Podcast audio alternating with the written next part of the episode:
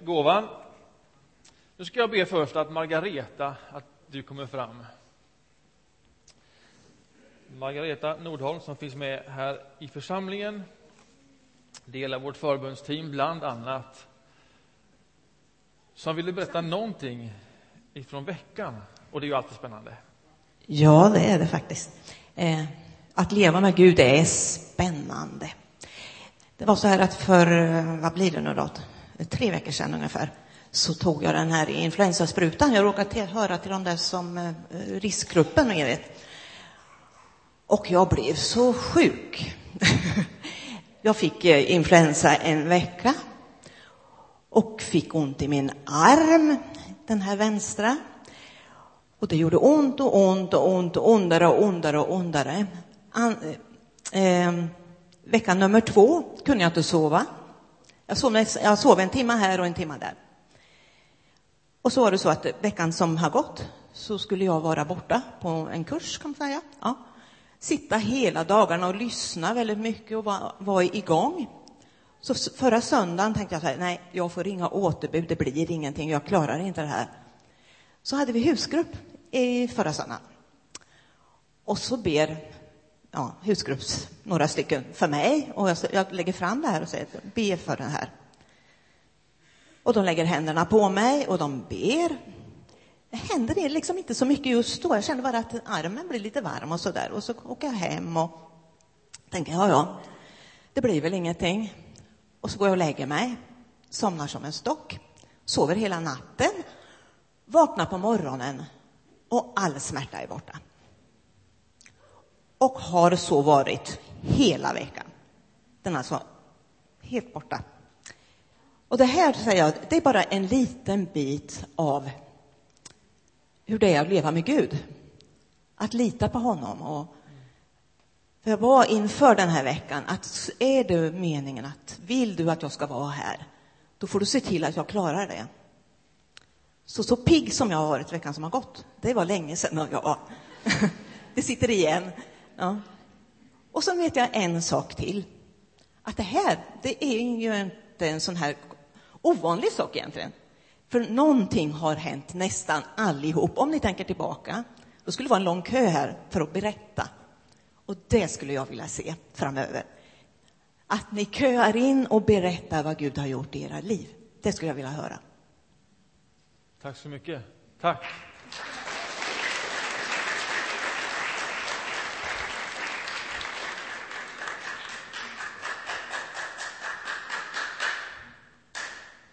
Det är bra. Det här är viktigt, tror jag, att vi släpper in varandra i varandras veckor, i hur varandras liv ser ut. Det är viktigt och det är uppmuntrande för oss alla.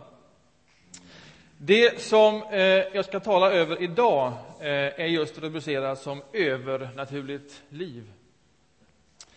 Övernaturligt liv det är ett sånt där uttryck som, eh, som får oss att associera till olika saker. Eh, och om jag nu bara skulle be dig att för dig själv notera vad tar din tanke vägen när du ser en av de här fyra skyltarna ifylld som heter övernaturligt liv. Vad tar du vägen då någonstans? Vad tänker du på först? Vad kommer upp där? Vad ligger i ett sånt begrepp? Övernaturligt liv. Det kommer ju från eh, allhelgona precis. Halloween. Vi har sett spöken och demoner i alla olika former. De har knackat på hemma hos mig. På tv kan man se i, i program hur man jagar eh, i mörkret, jagar andar i hus som är hemsökta. Tv-serier eh, med häxor i olika former är vardagsmat. Vad tänker man på när man hör ett ord som övernaturligt liv? Eller går dina tankar precis till det som vi nyss hörde, vittnesbördet från en vecka? Och ett möte och en bön i en husgrupp, en gemenskap där Gud bryter in på ett vardagligt och enkelt sätt. Eh, I kristen tro så finns det ett klart övernaturligt drag. Och i den här predikan tänker jag säga någonting väldigt grundläggande om det övernaturliga draget i kristen tro. Det handlar om den helige Ande. Hela den här hösten talar vi över, ska jag säga det också, de här fyra rubrikerna som är våra värderingar här i församlingen och som finns tryckt i den här lilla broschyren. Har du inte tagit den med dig hem så gör det. Den finns där nere och ta med sig hem och läsa vidare. Men för nu om övernaturligt liv och om den helige Ande. Och jag ska ta min utgångspunkt i en fråga som Paulus ställer till några som han möter. Det här står i Apostlagärningarna, kapitel 19, Apostlagärningarna, som är den första volymen i liksom kyrkans historieskrivning. Apostlagärningarna, kapitel 19. Och från början där.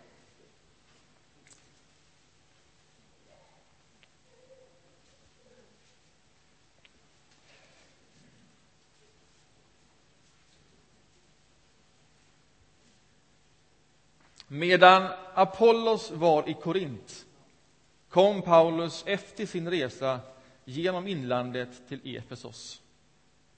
Där träffade han några lärjungar och han frågade dem om de hade fått helig ande när de kom till tro. De svarade, vi har inte ens hört att det finns någon helig ande. Vilket dop blev ni då döpta med? frågade Paulus, och de svarade Johannesdopet. Paulus sa Johannes dop var ett omvändelsedop och han uppmanade folket att tro på den som skulle komma efter honom, det vill säga Jesus. Då lät de döpa sig i Herren Jesu namn. Och när Paulus lade sina händer på dem kom den heliga anden över dem och de talade med tungor och profeterade. Tillsammans var de väl tolv män. Amen.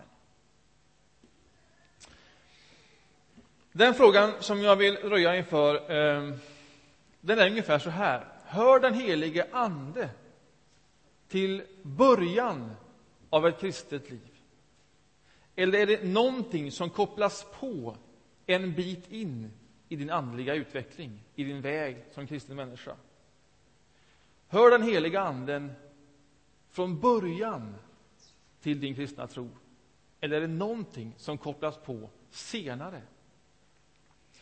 För läser man Paulus lite snabbt och lite slarvigt så kan man ju tro att det är just det senare, att det är någonting som sen kopplas på.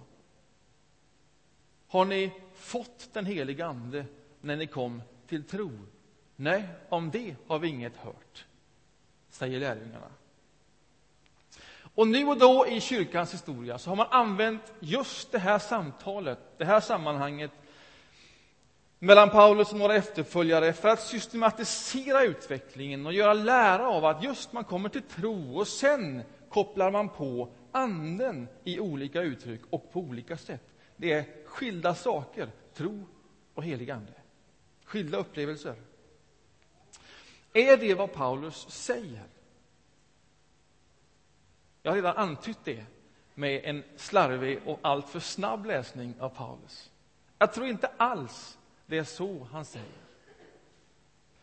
Alltså när vi som församling, som troende människor läser det här stycket av Paulus, då blir hans fråga fel ställd till oss om vi läser den.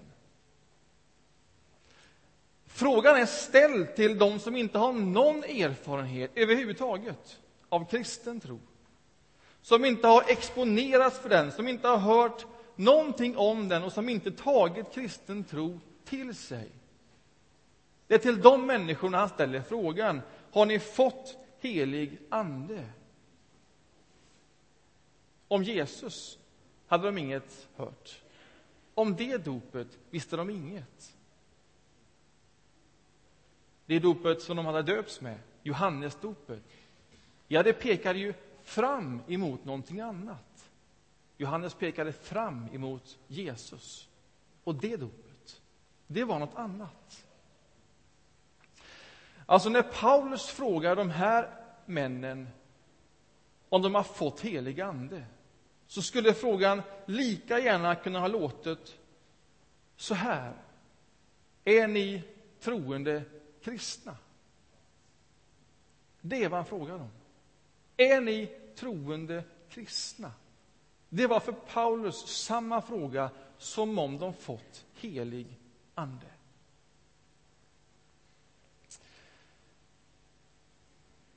Om någon ande hade de inte hört. Något dop i tron på Jesus hade de inte varit med om, men det var vad de ville.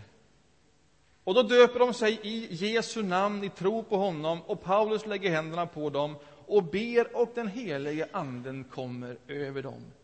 Så beskrivs det. Detta är att bli kristen.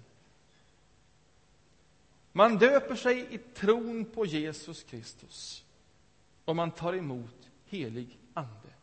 Det är ett paket. Tro och dop och helig ande, det är ett paket. Och det hör till början av varje kristet liv.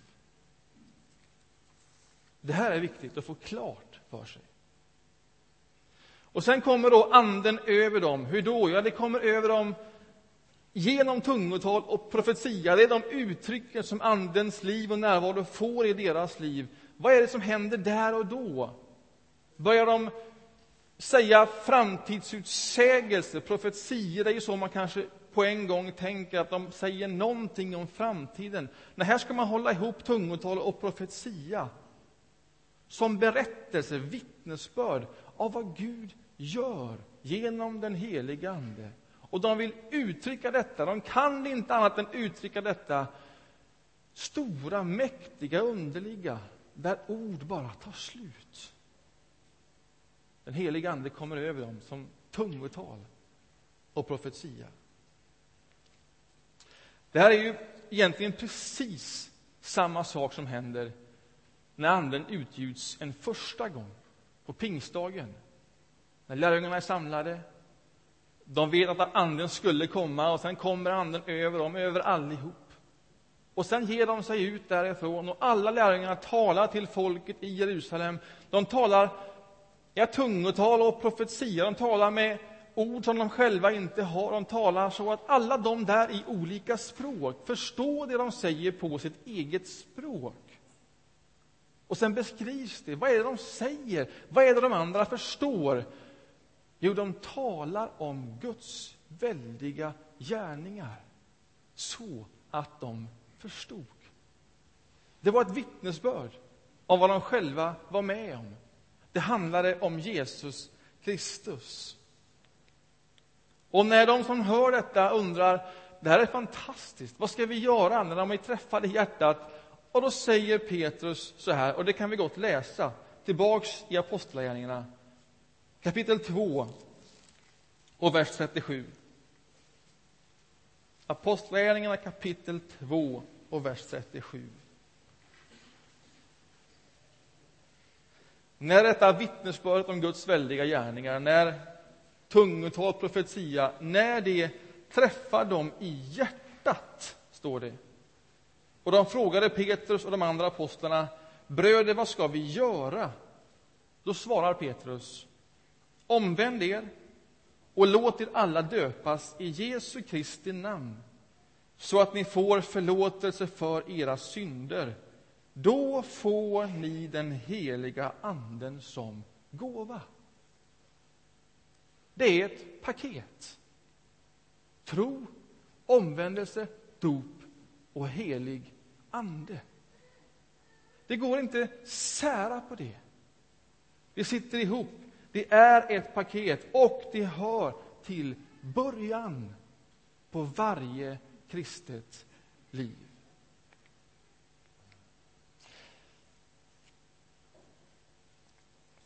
Det är en förutsättning för tro, rent av.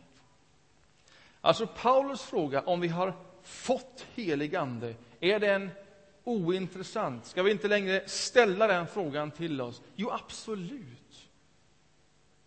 Den ska vi fortfarande ställa. Den ska vi ställa till varandra och jag vill ställa den till dig som ännu inte delar kristen tro. Till dig som inte ännu omvänt dig till Jesus Kristus, som inte döpt dig i hans namn. Då är det en bra fråga, och jag ställer den gärna, här och nu och på riktigt. rakt in i din längtan och i ditt sökande har du fått helig ande. Har du fått helig ande? Det är en verklig fråga.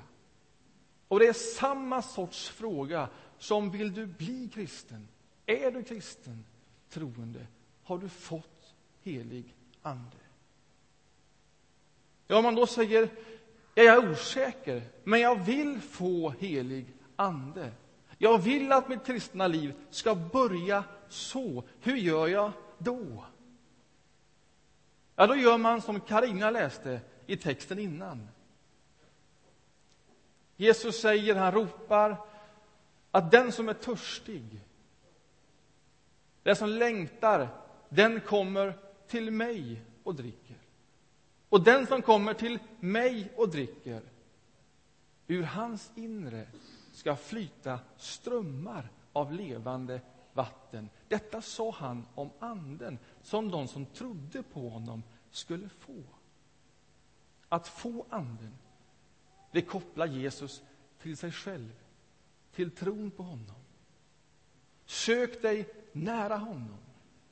När du tar emot bröd och vin så är det symboler för Jesu närvaro, för Jesus själv. Låt det bli ett handfast sätt att ta emot Jesus, att komma till honom med din törst. Och den som kommer till honom, omvänder sig till honom, uttrycker sin tro på honom, döper sig in i hans gemenskap, den får helig ande.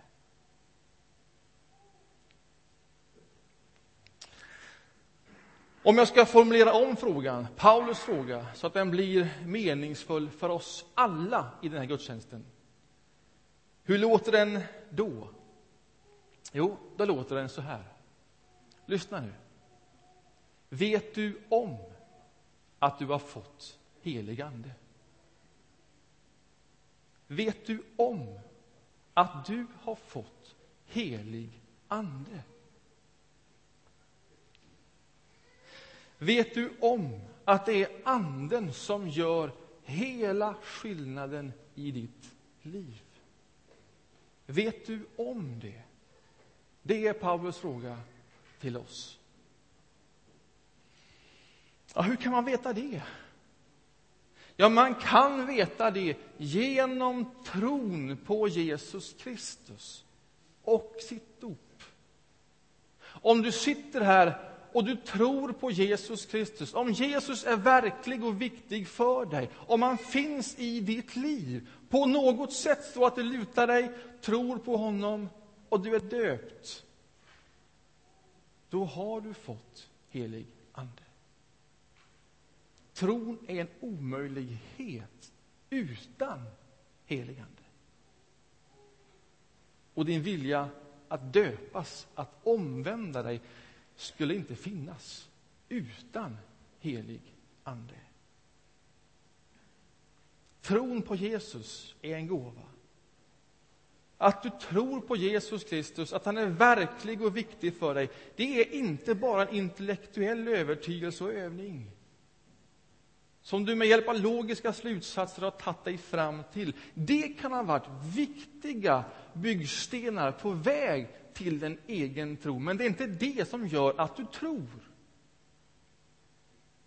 Det är mer övernaturligt än så. Det har med helig ande att göra. Lyssna hur Paulus uttrycker detta i ett av sina brev. Andra, första Korinthierbrevet, kapitel 12. Bara en vers. Första Korinthierbrevet, kapitel 12 och en enda vers, nummer tre.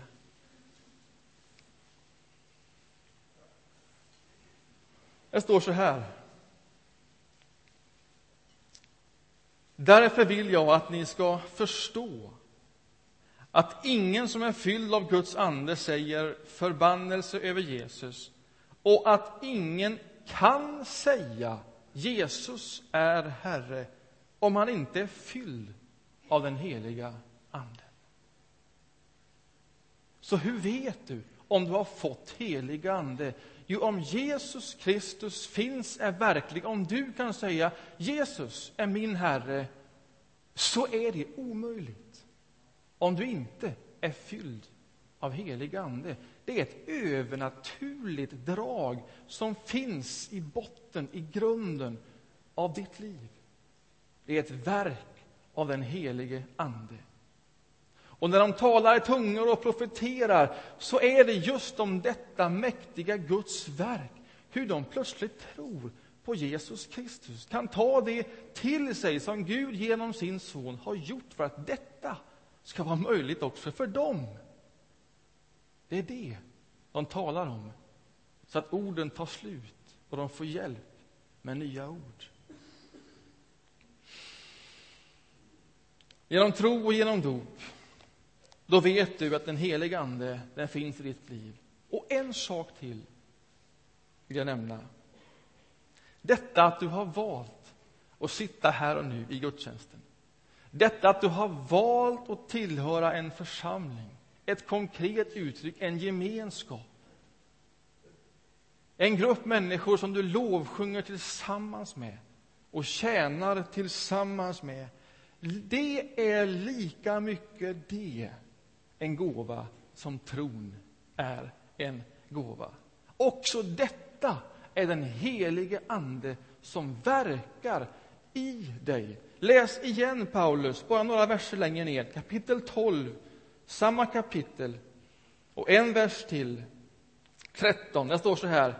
Med en och samma ande har vi alla döpts att höra till en och samma kropp, vare sig vi är judar eller greker, slavar eller fria. Och alla har vi fått en och samma ande att dricka. Jag hör nu och då berättelser från er. Ifrån, ja, inte sällan från gudstjänsten, när man står någonstans i det här rummet och det är nattvard och det är en rörelse i rummet och det är olika uttryck och man står och man ser och man blir rörd över det man ser. Människor som här söker sig tillsammans till Jesus och man vet inte varför man blir rörd över den bilden. Varför det berör mig på olika sätt. Varför det känns viktigt, varför det matar mig, varför det fyller på mig att bara få se det jag där ser och känna, tänk detta är jag en del av. Alltså, var kommer den känslan ifrån? Var kommer blicken på varann som gör att man tänker om sig själv? Tänk att jag får vara med om detta. När jag är ute och går med min familj nu och då så kan ju samma sorts upplevelse komma över. Man är ute och går på väg till en lekplats. Det är vi och det är de här tre små barnen. Och jag tänker, tänk, tänk att jag får vara med om detta. Det är så osannolikt, hela den upplevelsen och känslan. Eller som i fredags efter simskolan, när jag och Vanna som sitter här, min dotter, åker iväg för att hämta lite take away-mat och sätter oss i baren på ett bra ställe här och dricker lite Fanta och äter lite nachos. Då kommer det över mig igen. Tänk att jag får vara, får vara med om detta. Det här är min familj. Det här är vår fredag. Detta är helt sanslöst. Och jag tror att vem som helst kan sätta sig in i den känslan bara lite och tänka ja, men det måste vara sanslöst. Och det är sanslöst. Jag lovar. Och det kanske inte är så märkligt, men en liknande upplevelse smyger sig in när jag ser på er. Men var kommer det ifrån? Se på er själva. Var kommer det ifrån? Det är märkligt. Ja, också det är ett tecken på att du har fått den heliga Ande. För med en och samma ande har vi alla döpts att tillhöra en och samma kropp. Och av en och samma ande har vi alla fått att dricka. Alltså den känslan som du har inför människor som du knappt känner, men som du ser i rummet. Det är en gåva. Att församlingen av alla sorters gemenskaper är viktig i ditt liv. Det är ett övernaturligt drag i ditt liv. Lika mycket som tro är övernaturligt.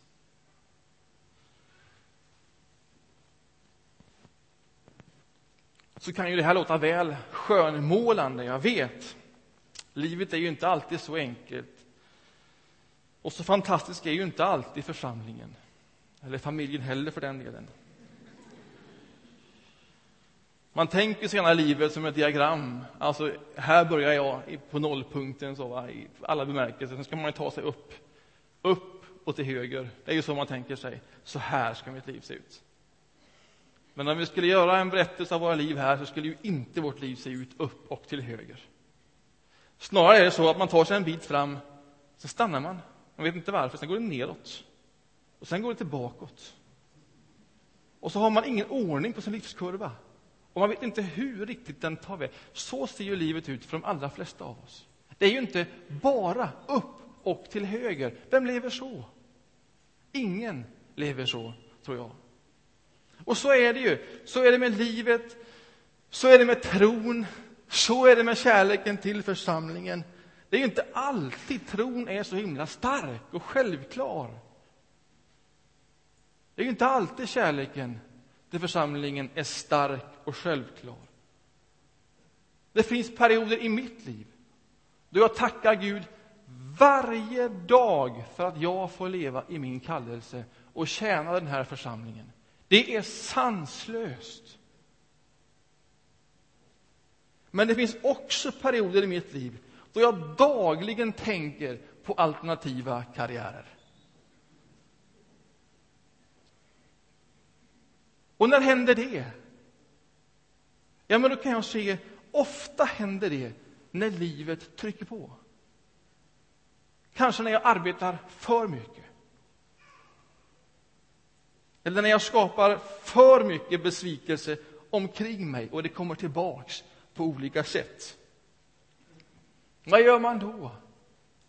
Vad gör man när tron och kärleken inte bara flyter fram, som Jesus säger, strömmar av levande vatten som flyter fram ur vårt inre. Ja, men så går man ju inte alltid runt och känner sig. Eller jag gör inte det. Vad gör man då? Så läste jag en intervju för exakt 15 år sedan som har blivit så viktig för mig. Jag läste den igen och igen och igen. Jag har citerat den här förut. Och Det är ett samtal med Frank Mangs, då 95 år gammal. Predikant i hela sitt liv. Vet vad det är att vara exponerad för olika saker, vet vad det är att göra människor besvikna. Vet vad det är att själv inte leva upp till sina egna förväntningar på sig själv. Och han talar om precis detta. Han talar om den heliga Ande som inre förnimmelser. Och sen noga med att säga, ja, inte som känslor. Därför känsla och sentimentalitet, det kan lätt blandas ihop. Nej, det är något annat, djupare. Förnimmelser. Inre förnimmelser. Och så säger han, när den inre förnimmelsen har dämpats, vad gör man då? När den inre förnimmelsen har dämpats. Ja, man kan inte arbeta upp det, säger han. Man kan inte anstränga sig upp förnimmelsen. Men vad gör man då? Ja, då säger han så här. När jag har skrivit för mycket, eller jobbat för mycket, eller av något annat skäl den inre förnimmelsen har dämpats, då blir jag alldeles stilla. Fullkomligt stilla.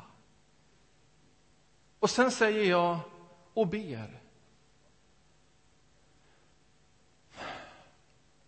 Fyll nu min helgedom som är din helgedom med helig ande. Du har råd med det, Gud. Det kostar dig inte ett dugg. Och varje gång jag gör det, nästan varje gång jag gör det, så händer det.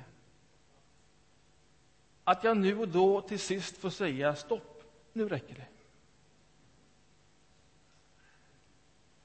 Det samtalet har blivit så viktigt för mig. Att bara få en enkel, enkel metod, bara få höra någon säga någonting av vad man gör med allt detta när det inte är så enkelt. När det dämpas. Varje söndag här inne i bönerummet så har vi bön en timme före gudstjänsten. Jag är inte där en timme. Jag slinker in en stund, kanske en kvart, kanske 20 minuter. Och så får man stå i det rummet. Och så får man nästan varje vecka händerna på sig och någon som ber om helig ande. De 20 minuterna är livsviktiga för mig. Därför att det gör någonting med hela mitt liv. När Anden kommer, hur vet jag det? Jo, jag tror. Jag tror igen. Och jag ser er på ett annat sätt. Därför att med en och samma ande har vi alla döpts att tillhöra en och samma kropp. Och så kommer detta övernaturliga drag fram igen om jag ger dig kraft, tid, utrymme. Och ibland är den känslan så dämpad att det räcker inte med en kvart eller 20 minuter före gudstjänsten. Så var min vår. När sommaren kom, då var hela mitt liv dämpat. Trött. Genomtrött. Av alla olika saker. En del oförtjänt och förmodligen mycket förtjänt. Men jag var trött och jag var dämpad. Och jag tänker, nu ska jag åka någonstans. Där jag vet att här ber man om helig ande mycket. För jag visste, detta är vad jag behöver. Jag skulle kunna göra det hemma. Jag skulle kunna sätta mig i mitt vardagsrum som jag gör på kvällen. Jag skulle kunna gå hit på söndag förmiddag. Men jag behövde mer tid. Det var så dämpat. Och så kan det vara att man någon gång på året ger sig mer tid. Och sen åker jag till detta stället. Och sen vet jag att de, att de efter varje föredrag eller sammanhang frågar och vem vill nu att vi ska be om helig ande? Jag räcker upp handen, jag hade bestämt mig från början, det vill jag. Osentimentalt. Som ett eget beslut. Jag vet att jag behöver detta. Detta är mitt sätt, det är min personlighet att vara stilla, fullkomligt stilla. Och så finns jag i en sån miljö i ett par, tre dagar. Och så fort någon säger, är det någon nu som vill att vi ska be? Jag. Varenda gång. Varenda gång. Och så känner jag hur livet sakta återkommer. Hur jag börjar tro igen. Ja, men det är klart jag trodde, men ni vet, tro, tro. Och hur kärleken till församlingen, ja men det händer någonting när livet kommer åter, när det börjar strömma igen, försiktigt, men ändå. Åh, vad det är annorlunda att vara pastor när man tror än när man inte tror.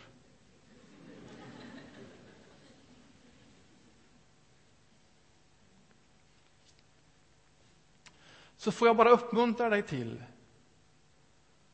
att ge dig själv den gåvan att vara stilla, fullkomligt stilla på det sätt som passar dig. Och om på inget annat sätt, så låt det en gång i veckan, låt gudstjänsten vara de få ögonblick då du sitter ner utan att producera någonting hela tiden, utan du tar emot och låter Anden verka i det som du tar emot. Om det är bön och sång och predikan och tillbedjan och lovsång, låt allt vara någonting som Anden verkar igenom. Tänd ett ljus här. Böj dina knän här och låt någon be för dig om helig ande.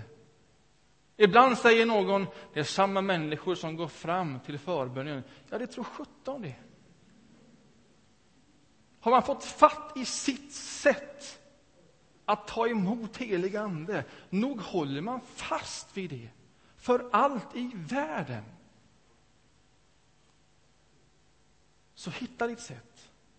Håll fast vid det och låt dig uppfyllas av helig Ande. Amen. Nu ber vi.